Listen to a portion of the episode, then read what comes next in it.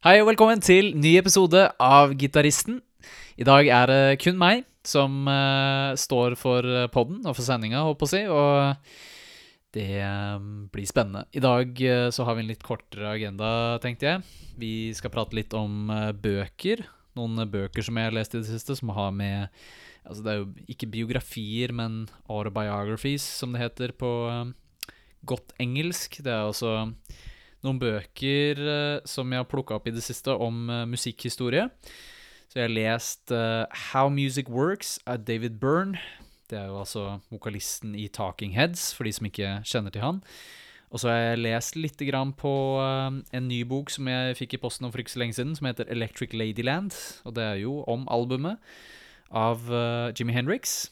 Det er altså en bok i 33 and Third-serien av Bloomsbury.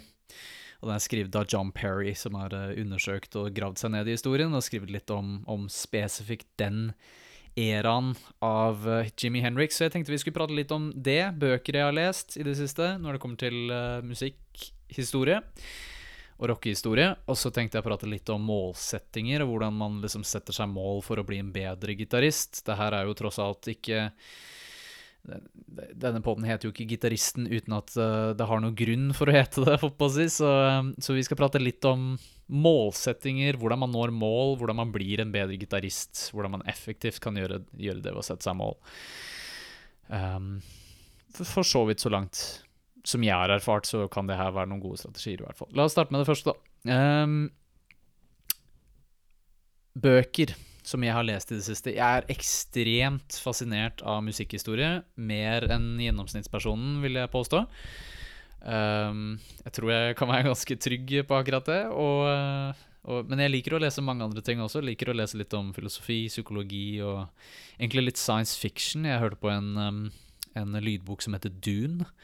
Eller Dune heter det vel på, på godt engelsk, uttales det. Uh, og det er en jævlig kul uh, science fiction-bok. Uh, det er vel egentlig en serie, tror jeg faktisk. Den, det er jo snakk om at det skal bli en film av den, jeg, tror jeg. Med mindre de dro ut pluggen på den, på den produksjonen. Jeg er litt usikker, men det er en, det er en interessant science fiction-bok da, som heter Dune. Jeg er litt usikker på hva forfatteren heter, men hvis du søker opp Dune, så finner du den. Altså en science, science fiction-bok bok som jeg sjekka ut nå i det siste. Jeg har hørt litt på den før jeg har, lagt, jeg har lagt meg og sånn, og jeg vet ikke, ass. Uh, det er bare noe med lydbøker og meg som ikke funker. Jeg bare jeg bare lyst til å høre mer. Jeg bare blir mer våken av å, av å høre på historier. Jeg vet om mange andre mennesker som liksom blir mer trøtt av å høre på historier. Og jeg kunne ønske det funka for meg, men det gjør det faktisk ikke. Uansett. Musikk. How Music Works av David Byrne. David Byrne er altså um, vokalisten i uh, New Wave-bandet. Post-punk er det vel kanskje ikke, men det er et slags New Wave-rockeband. Uh, Talking Heads de er jo veldig veldig kjente. En av de mer uh, innflytelsesrike bandene på slutten av 70-, begynnelsen av 80-tallet, tror jeg. De hadde sin heydays.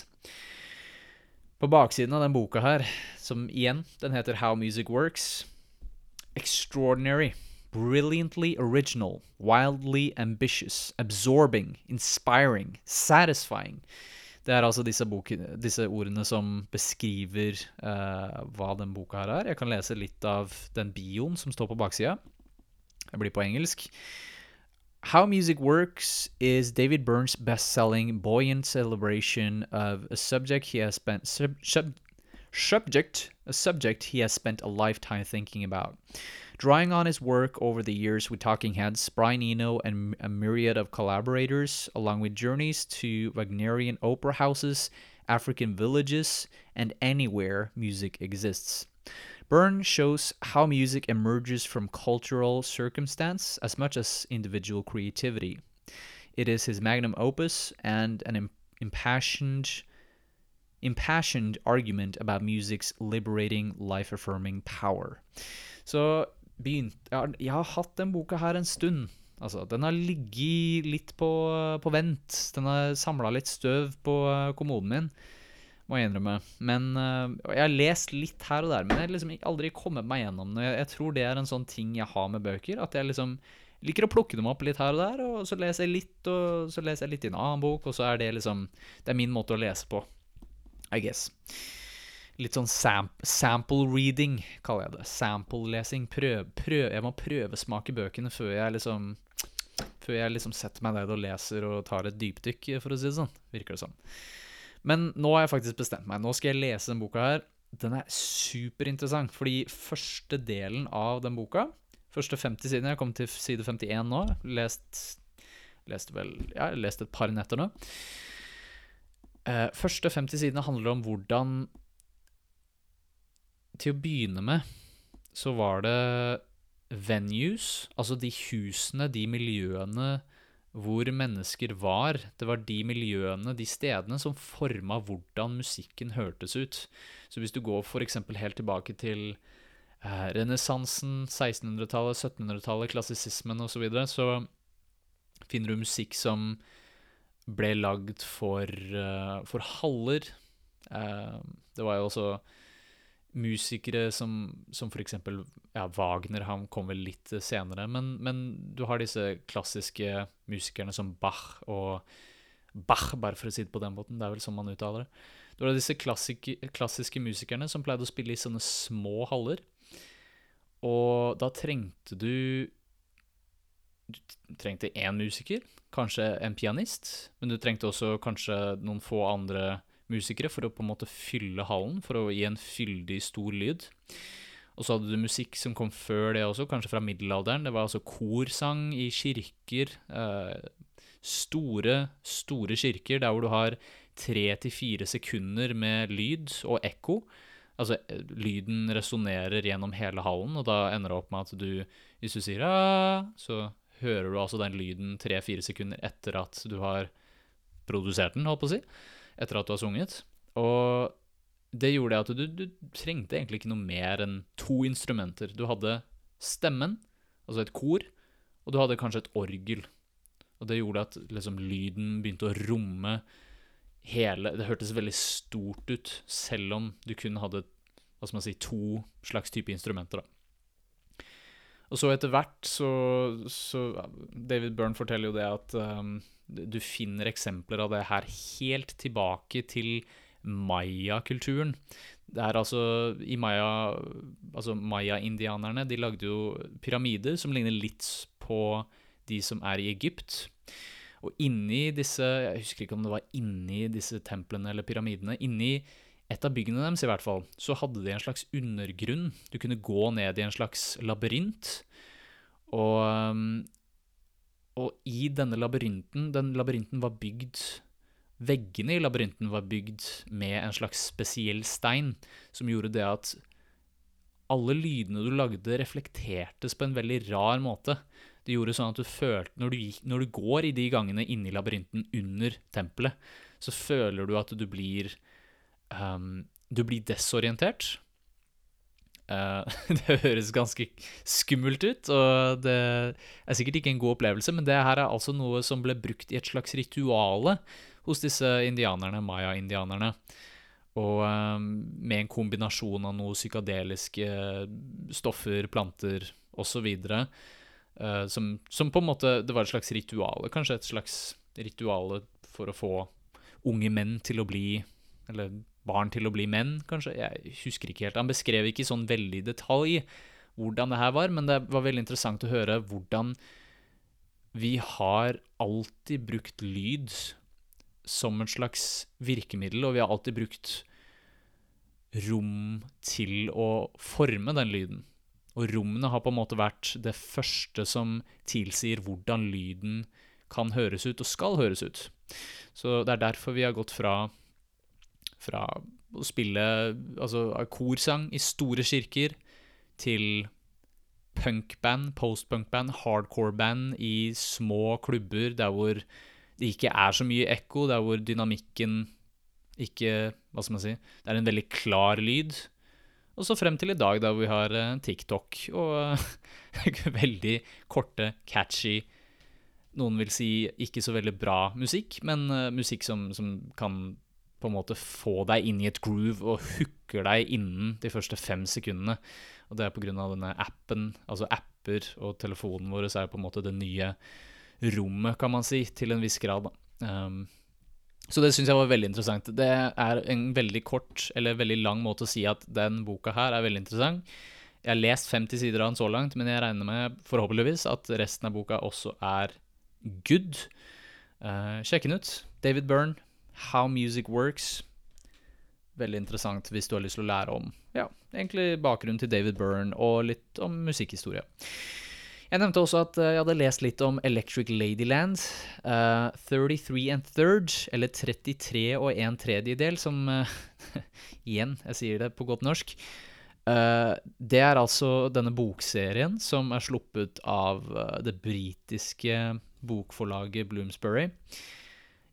Veldig interessant bok. Hvis du er interessert i å lære om gammel rockemusikk, tilbake på den tiden hvor David Bowie, Mick Jagger The Who og selvfølgelig Jimmy Henriks var store, så burde du lese om det her. Det her er en bok om eh, Jeg har ikke lest så veldig mye av den så langt, men den prater litt om de tidlige åra til bakgrunnen til um, Jimmy Henriks, og hvordan det var for han å lage musikk i 1968.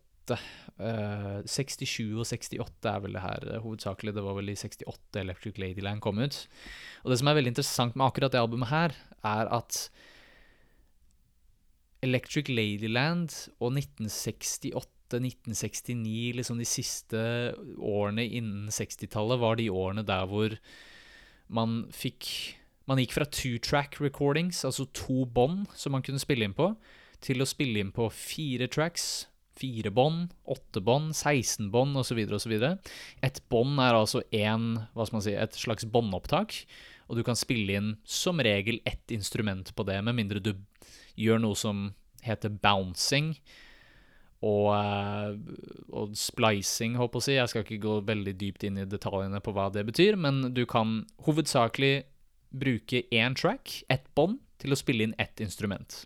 Eller én, et opptak med lyd, da. Og som regel så er det brukt for ett instrument. Så du spiller inn gitar på én, du spiller inn bass på én, du spiller inn vokal på en annen, og backing-vokal på en fjerde, kanskje. ikke sant? Det er et eksempel på hvordan man ville gjort det her. Og Henriks, etter hvert som han Altså, Electric Ladyland er jo det tredje albumet han slapp ut med uh, Jimmy Henriks Experience, han og de to andre gutta.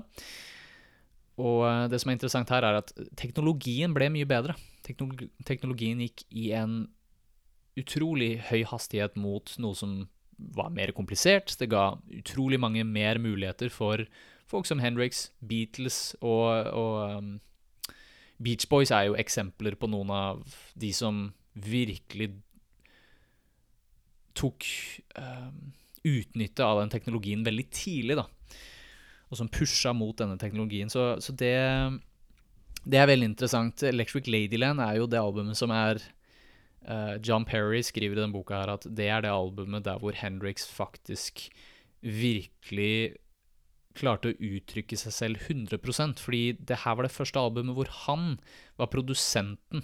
Han produserte Electric Ladyland, og han hadde mye, mye mer kreativ frihet, så han sier det at uh, Nå paraphraser jeg, nå, nå prater jeg, legger jeg ord i min egen munn, håper jeg å si. Det, det, her er ikke konkret det Jimmy Henriks har sagt, men han sa noe sånt som at det her er det albumet der hvor han fikk uttrykt seg mest fritt, da. Og det er veldig interessant å lese om. Jeg har kommet uh, ikke så veldig langt inn i boka, 20-30 sider, men jeg er, jeg er, så spent på å lese resten og bare jeg får noen nye inntrykk av den tiden her, fordi hvis det er én periode som jeg digger mer enn noe annet, så er det 60-tallet, 70-tallet. De to årstidene der, eller årstidene, sier jeg, de to tiårene der av musikk er bare fenomenale. Det er så mye interessant som skjedde, og Hendrix er jo definitivt en av the land grabbers, holdt jeg å si, når det kommer til eh, ja, folk som bare tok utnytte av å, å, virkelig skape kreativ og interessant musikk på den tiden. Da.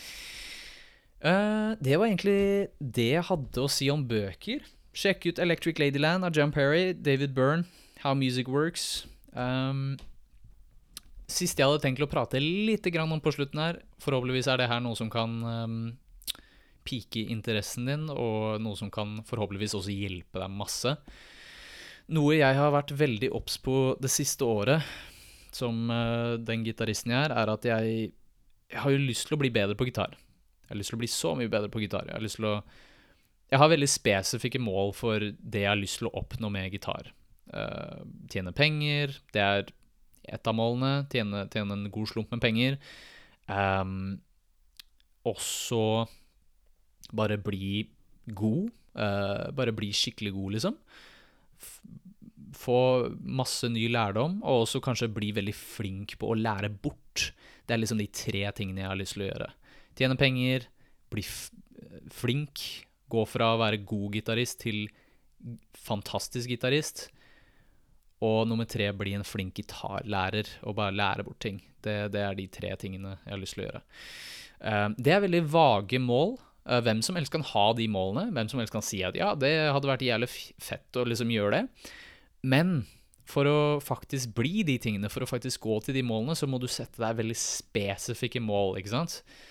Eh, og hvorf hvorfor det er sånn, det vet jeg faktisk ikke. Jeg har bare lest, jeg har lest mye om psykologi, og mye av de som går igjen i de bøkene, er at hvis du har lyst til å nå et mål, så må du bare sette deg et veldig spesifikt mål.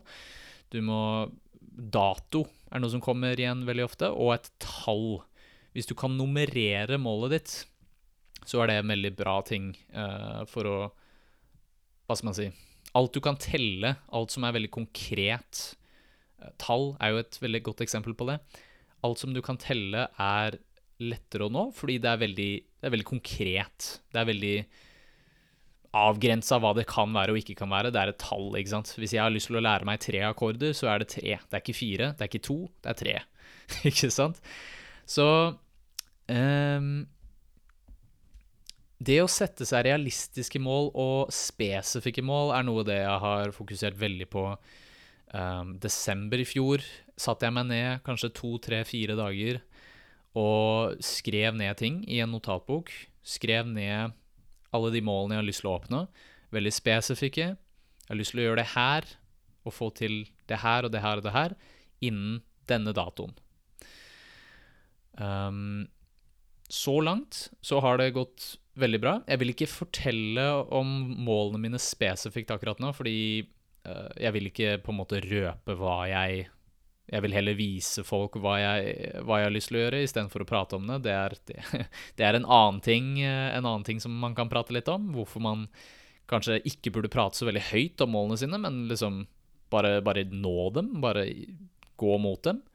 Og ikke liksom skryte av det, fordi med en gang du begynner å skryte av det, kort sagt, så er det en Du gir deg selv gratis verdi. Du gir deg selv et lite Hva skal man si? Du, du validerer deg selv da, hvis du går rundt og prater om målene dine, tenker jeg, da.